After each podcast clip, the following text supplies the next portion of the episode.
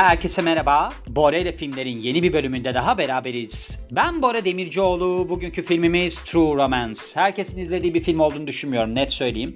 Ama yine de bu filmi eklemek istiyorum. Neden? Çünkü ben çok severim bu filmi. Bir de bu filmle alakalı çok detaylar vardır herkesin bilmediği. Belki de dedim insanlar dinledikten sonra aa bu film neymiş izleyeyim der.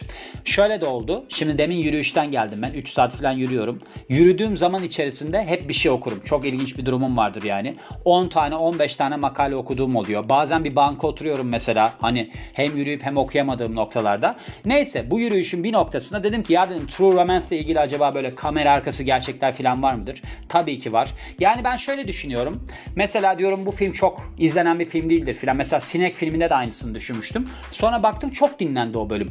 Yani galiba ben farkında değilim. Çünkü bu filmin gişede de çok başarılı olmadığı bir gerçek. Yani 12.5 milyon dolarlık bir bütçesi varmış. Gişede de 12.6 milyon dolar kazanmış. Öyle bir film. Ama demiş ki mesela Wikipedia'da böyle bir başarısızlığa rağmen aslında çok ciddi bir takipçi kitlesi edindi film. Yani film güzel bir film bu arada. İzlemenizi tavsiye ederim. Genel olarak baktığımızda IMDB puanı 7.9. Beyaz Perde 4.2 vermiş. 5 üzerinden Sinemalar.com 10 üzerinden 8 vermiş filme. Filmin konusuna genel olarak bakarsak şimdi bu filmde aslında iki tane karakter var. Clarence ki bu karakteri Christian Slater canlandırır. Bir de Alabama bu karakteri de Patricia Arquette canlandırır. Şimdi bu ikisinin aşkı üzerinden gidiyor film. Ama şöyle oluyor aslında. Şimdi bu hani fahişe karakteri var ya Alabama. Bu adam yani Christian Slater'ın canlandırdığı Clarence karakteri böyle işte çok çizgi roman hastası hatta çizgi romancıda çalışıyor galiba. İşte filme milme gidiyor. Kung fu filmlerine falan gidiyor. Öyle bir filmde güya tanışıyor adamla karşılaşıyor. Sonra işte ona aşık oluyor falan derken filmin o kısımlarında diyorsunuz ki aa iyi ya aşık oldular falan. Sonra gidiyorsunuz bir bakıyorsunuz ki meğerse Alabama karakteri yani bu fahişe olan karakter adama hediye olarak gönderilmiş. Sonra diyor ki işte diyor bu benim ilk işim diyor ağlıyor sızlıyor. İşte ben diyor bu işi yapmak istemiyorum ama beni zorluyor bir tane pezevengim var diyor beni zorluyor filan diyor. Christian Slater'ın canlandırdığı Clarence da diyor ki bir dakika diyor o nokta bende diyor. Seni diyor ben bu hayattan kurtaracağım falan. Gary Oldman'ın canlandırdığı karaktere gidiyor diyor ki sen diyor bu kızın peşini bırakacaksın. O sırada bir şeyler oluyor filan derken adam işte bir çantayı alıp kaçıyor. Bu pezevenk rolündeki Gary Oldman orada ölüyor muydu neydi öyle bir şey vardı tam hatırlamıyorum. Neyse o bir çantayla kaçıyor ama. Çünkü çantayı aslında bu potansiyel sevgilisi olan Alabama'nın zannediyor. İçinde kıyafetleri falan, falan var zannediyor. Christian Slater yani Clarence. Sonra kaçıyor. Bir bakıyorlar ki çantanın içinde kokain var. Yani böyle bir bavulun içinde kokain var. Ne yaparız ne ederiz biz bunu satar mıyız matar mıyız derken ikilinin macerasına odaklanıyoruz. Tam bir yol filmidir aslında baktığınızda. Hatta ben burada kamera arkası gerçeklere baktığımda zaten aa dedim böyle bir şeyden evrilmiş bu. Birazdan aktaracağım size. Şimdi genel olarak bakarsak filme senaryo yazarı Quentin Tarantino. Quentin Tarantino bu filmi neden yazıyor biliyor musunuz? Bu Rezervar Köpekleri filmi var ya onu aslında finansal olarak karşılayabilmek için bu filmin senaryosunu yazıyor ve satıyor. Hatta çok da düşük bir fiyata satmış. Neyse sonrasına bakalım. Süresi 118 dakika. Yayına girdiği tarih 10 Eylül 1993 ve demin de bahsetmiştim. Bütçesi 12,5 milyon dolar. Bir gişe geliri 12,6 milyon dolar. Şimdi 10 tane kamera arkası gerçekten bahsedeceğim size. Ve bunlardan ilkine gelelim. Şimdi Tarantino'nun senaryosu. Şimdi bu True Romance filmi için Tarantino 50 bin dolar alıyor. Aslında bu 50 bin dolar da bunların hani sendikası var ya yazarlar sendikası. Böyle grev mrev yapıyorlar bir şeyler yapıyorlar Amerika'da. Orada 50 bin dolar alınması gereken en düşük ücretmiş bir senaryo için. Yani siz kafanıza göre öyle senaryo falan satamıyorsunuz ki bence çok doğru bir şey. Gerçekten çok doğru yani. İnsanları koruma adına böyle sendikaların olması çok doğru. Ama şöyle bir durum var. Aslında filmin ilk ismi The Open Road ve Roger Avery tarafından yazılıyor.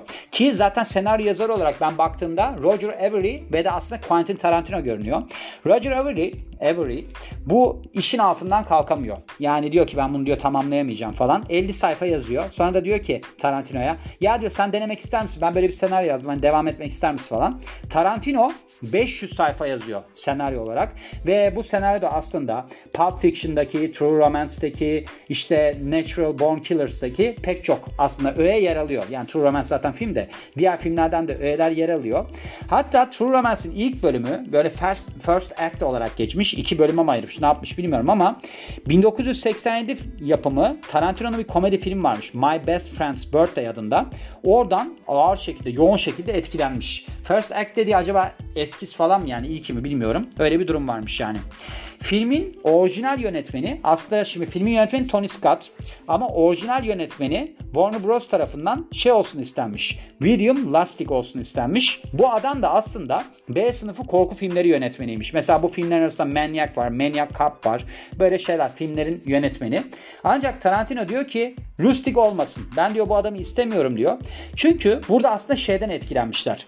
Jonathan Dean var ya bu Kuzuların Sessizliği'nin filan yönetmeni. O adam aslında başta Roger Corman vardı ya bu hani James Cameron'ın yanında çalıştığı adam. B sınıfı filmlerin yönetmeni. İşte Speed ne o? Death Race. Death Race 2000 mi ne? Onların falan yapımcısı da yönetmeni de galiba aynı zamanda. Yani James Cameron'ın da yanında yetiştiği adam. Şimdi bu Jonathan Demme de bu adamın yanında yetişmiş.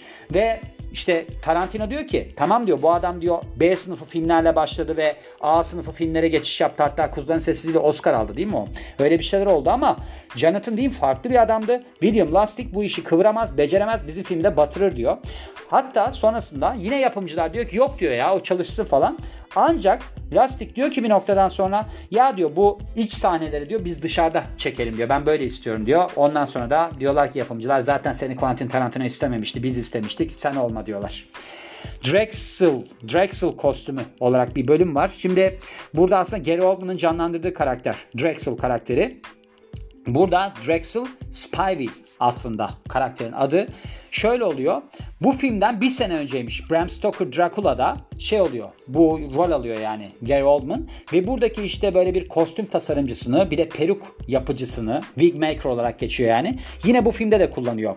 Hatta burada gözlerinden bir tanesi kör Gary Oldman'ın filmde True Romance'te. Oradaki o kör olan gözünü de bu şeyden almış yani Dracula'da da kullanmış. Aynı şekilde devam etmiş. Bilmiyorum aynısı mıdır nedir falan diye de. Burada ilginç detaylar var. Mesela 70 yaşındaki o sırada annesi Gary Oldman'ın sette her gün geliyormuş. Oğlunu böyle bir gözleme, gözlemek için. Oldman da sonrasında demiş ki benim bu filmde canlandırdığım yani True Romance'te canlandırdığım Drexel Spivey karakteri ve JF Kennedy suikastı yani JFK'de canlandırdığım Lee Harvey Oswald karakteri benim favori iki karakterimdir. Yani en sevdiği karakterlermiş. Brad Pitt'in performansına bakarsak şimdi burada aslında Floyd'tu değil mi karakterin adı? Brad Pitt'in en akılda kalıcı karakterlerden bir tanesi olmasına vesile oluyor True Romance'deki. Ancak buradaki bu senaryodaki bölümlerinin çoğu doğaçlamaymış Pitt'in canlandırdığı. Ben bu adamın ne sahnesi vardı onu da hatırlamıyorum. Sadece koltukta yatıyordu diye hatırlıyorum Brad Pitt. Yani öyle büyük bir rolü yoktu. Zaten Brad Pitt bu filmde tanınan birisi de değil. Bundan önce galiba Thelma Lewis'te oynadı. Sonrasında 94'te galiba Vampirle Görüşme filminde oynadı. Onu da zaten patladı diye hatırlıyorum. Ve zaten Vampirle Görüşme'de de şey oynuyordu değil mi? Christian Slater oynuyordu. Bu röportajı yapan kişi olarak. Öyle hatırlıyorum. Hatta Christian Slater'ın rolünü şey oynayacaktı. Bu River Phoenix vardı ya rahmetli oldu. O oynayacaktı sonra oynayamadı diye hatırlıyorum. Neyse burada bir tane böyle bir bere takıyor Brad Pitt filmde. Rastafarian böyle bir şapka diyelim. Bu Bob Marley'in taktığı hani renkli şeyler oluyor ya Mariana içenlerin. Onu takıyormuş ve bu aslında şey oluyor bir sokakta bulduğu bereymiş. Yani Venice Beach'te bulmuş Brad Pitt bunu. Sonrasında yıkamış bu filmde kullanmış. Öyle takmış. Hatta Floyd'un bu mafya üyeleri tarafından ziyaret edildiği bir sahne varmış. O sahnede bir tane şarkı kullanılıyor. Soundgarden'ın Outshine şarkısı kullanılıyor. Ve diyorlar ki işte bunu hani öyle bir geçici olarak kullanalım biz. Ancak sonra bu hani izleyiciye açılıyor ya film. Böyle bir test yapılıyor yani izleyici nasıl reaksiyon gösteriyor filan diye. Filmin bu sahnesindeki müziğe izleyici bayılınca diyorlar ki biz diyorlar bu filmi bari bu müzikle kullanalım. Ancak filmin müziğine Soundgarden anladığım kadarıyla acayip para ödüyorlar ve böylece de filmin bütçesinin büyük bir kısmı buraya gidiyor. Yani enteresan bir durum yani. Şimdi burada Blue Lou Boyle adında bir karakter varmış. Yani hiç görünmeyen bir karaktermiş aslında ki filmin en büyük karakterlerinden bir tanesi olarak görünüyor. Bu Vincent Cocotti'nin suç ortağıymış. Christopher Walken'ın canlandırdığı karakterin. Christopher Walken'ın canlandırdığı karakter kimdi? Hatırlayamadım onu. Onun suç ortağı olarak görünüyormuş. Şimdi aslında senaryonun orijinal böyle bir taslağında şey oluyor. Baya bir hani rolü falan olan bir insan. Ve hatta şöyle oluyor. Tarantino diyor ki Robert Forster oynasın bu karakteri. Ancak sonunda Robert De Niro alıyor rolü. Ama bu rol işte çok film uzadı filan deyip kırpılınca Robert De Niro da senaryo dışında kalıyor. Ancak Jackie Brown filminde biliyorsunuz hani hem Forster hem de De Niro yer alıyor. Sonrasında başka bir şey var mı? Şimdi bu filmde James Gandolfini yer alıyor. Biliyorsunuz bu şeyde Tony Soprano oynuyordu Sopranos'ta. Ondan önce burada True Romance'da böyle korkunç bir gangster'e oynuyor bu adam.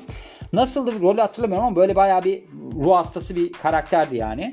Aslında bu filmde yer alması da böyle ilk tercih falan değil.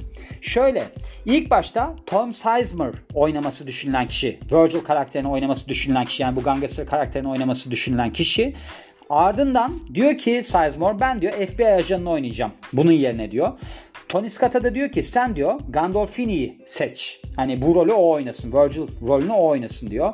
Ve hatta böyle bir dövüş sahnesi varmış. Alabama ve Virgil'in arasında geçen öyle bir sahne vardı galiba evet bir kandırmaya çalışıyordu kadın bunu yani Patricia Arquette'in canlandırdığı karakter bu Virgil karakterini kandırmaya çalışıyordu. Bu sahnenin çekimi 5 gün sürmüş. Sonrasında bir roller coaster sahnesi var filmde. Böyle bir pazarlık yapılan bir sahne var yani. Aslında Tarantino'nun orijinal senaryosunda bu roller coaster sahnesi yokmuş. Onun yerine hayvanat bahçesinde geçiyormuş bu sahne. Ancak Tony Scott demiş ki biz demiş bunu eğer ki roller coaster olarak değiştirirsek çok daha akılda kalıcı ve hızlı bir sahne olur. Bence de doğru. Hatırlıyorum bu sahneyi tam net hatırlamıyorum ama. Sahnede aslında şey var. Bu Branson Pitchett karakteri mi bu? Bilmiyorum hatırlayamadım şimdi. İşte bir Dick karakteri var mesela Michael Rappaport'un canlandırdığı. Ancak şöyle oluyor. Bu sahnede Rappaport yer almak istemiyor. Çok da garip bir telaffuzu var bu adamın soyadının. Neyse bu sahnede çok kötü oluyor yani. Pek iyi hissetmiyor kendini. Ben de hiç sevmem bu roller coaster işlerini bilmem ne böyle hızlı şeyleri. Ve filmin ilk çekiminde yani ilk gününde böyle bayağı kötü oluyor. İkinci gün böyle bir alışıyor malışıyor. İşte hani böyle bir biraz da destek sağlıyorlar falan. Neyse o sahne rahat geçiyor. Ancak filmde izlediğinizde bir ilk günden bir de ikinci günden sahneler varmış. O yüzden de adamın böyle yüzünde değişik bir ifade varmış. iki sahne arasında sahne geçişlerinde. Yani bir tanesi de çok korktuğu için. Bu Michael Rappaport işte bu adam yani bu sahnede yer alan adamın da çok ilginç bir hikayesi var. Brad Pitt de biliyorsunuz aynı filmde yer alıyorlar. Bu adam sonrasında meşhur olamıyor yani. Brad Pitt inanılmaz meşhur oluyor. Hatta Jennifer Aniston'la evlendiğinde galiba Brad Pitt düğününe çağırmış bu adamı. Adam da şey demiş. Yani demiş ben böyle geçinmeye çalışan birisiydim ama Brad Pitt o zamanlarda bayağı havyardan bir duvarı falan vardı yani. Oradan gidip havyar alabiliyordunuz falan. Öyle bir şey varmış yani. Düğünde öyle bir şey varmış. Çok imrenmiş yani. Aramızdaki farkı orada net anladım demiş.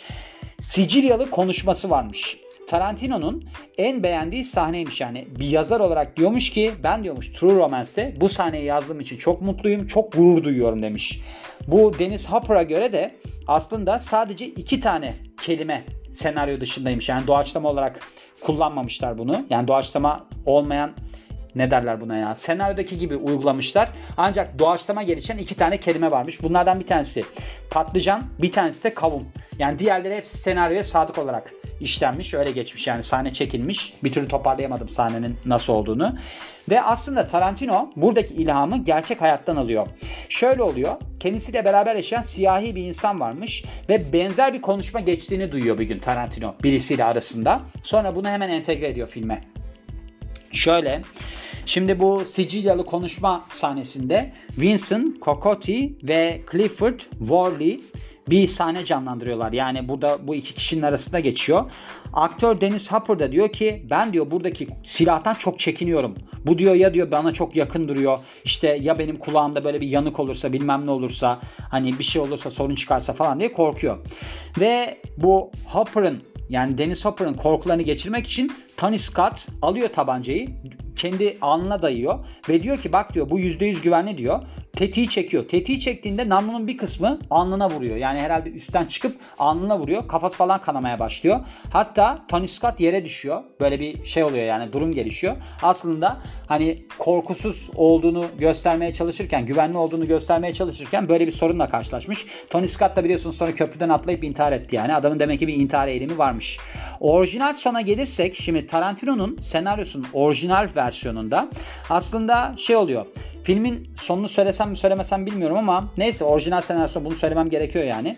Clarence karakteri ölüyor filmin sonunda. Burada söylemeyeyim ben aslında orijinalde ne olduğunu bu söyleyeyim sadece de filmde ne izlediğinizi söylemeyeyim. Ancak söylemek zorundayım kusura bakmayın. Bu filmde şey oluyor yani yaşıyor hayatta kalıyor. Çok da önemli bir sahne değil bu arada yani bir yandan da onun hesabını yaptım. Çok önemli bir sahne değil.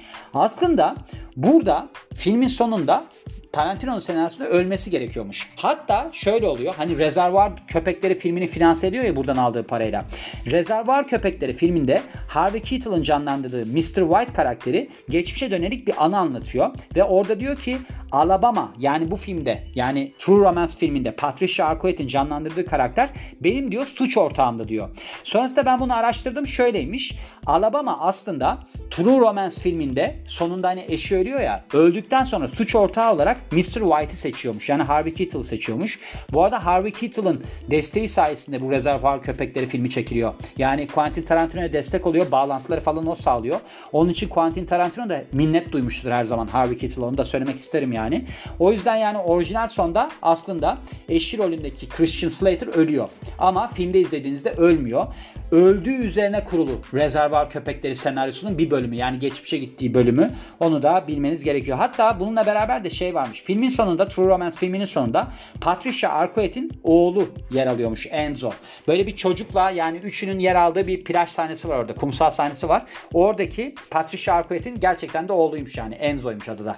Gördüğünüz gibi böyle bir filmdi. Yani ben bu filmi çok severim. Bilmiyorum siz sever misiniz? Yani çok izlenen bir film midir onu da bilmiyorum ama hep şunu düşünüyorum. Bora diyorum. Bora ile Biyografiler podcastine başladığında hatta Instagram hesabını açtığında bunu kimse dinlemez. Bu hesabı niye birisi takip eder diye düşünün ve şu anda 35 bin kişi takip ediyor.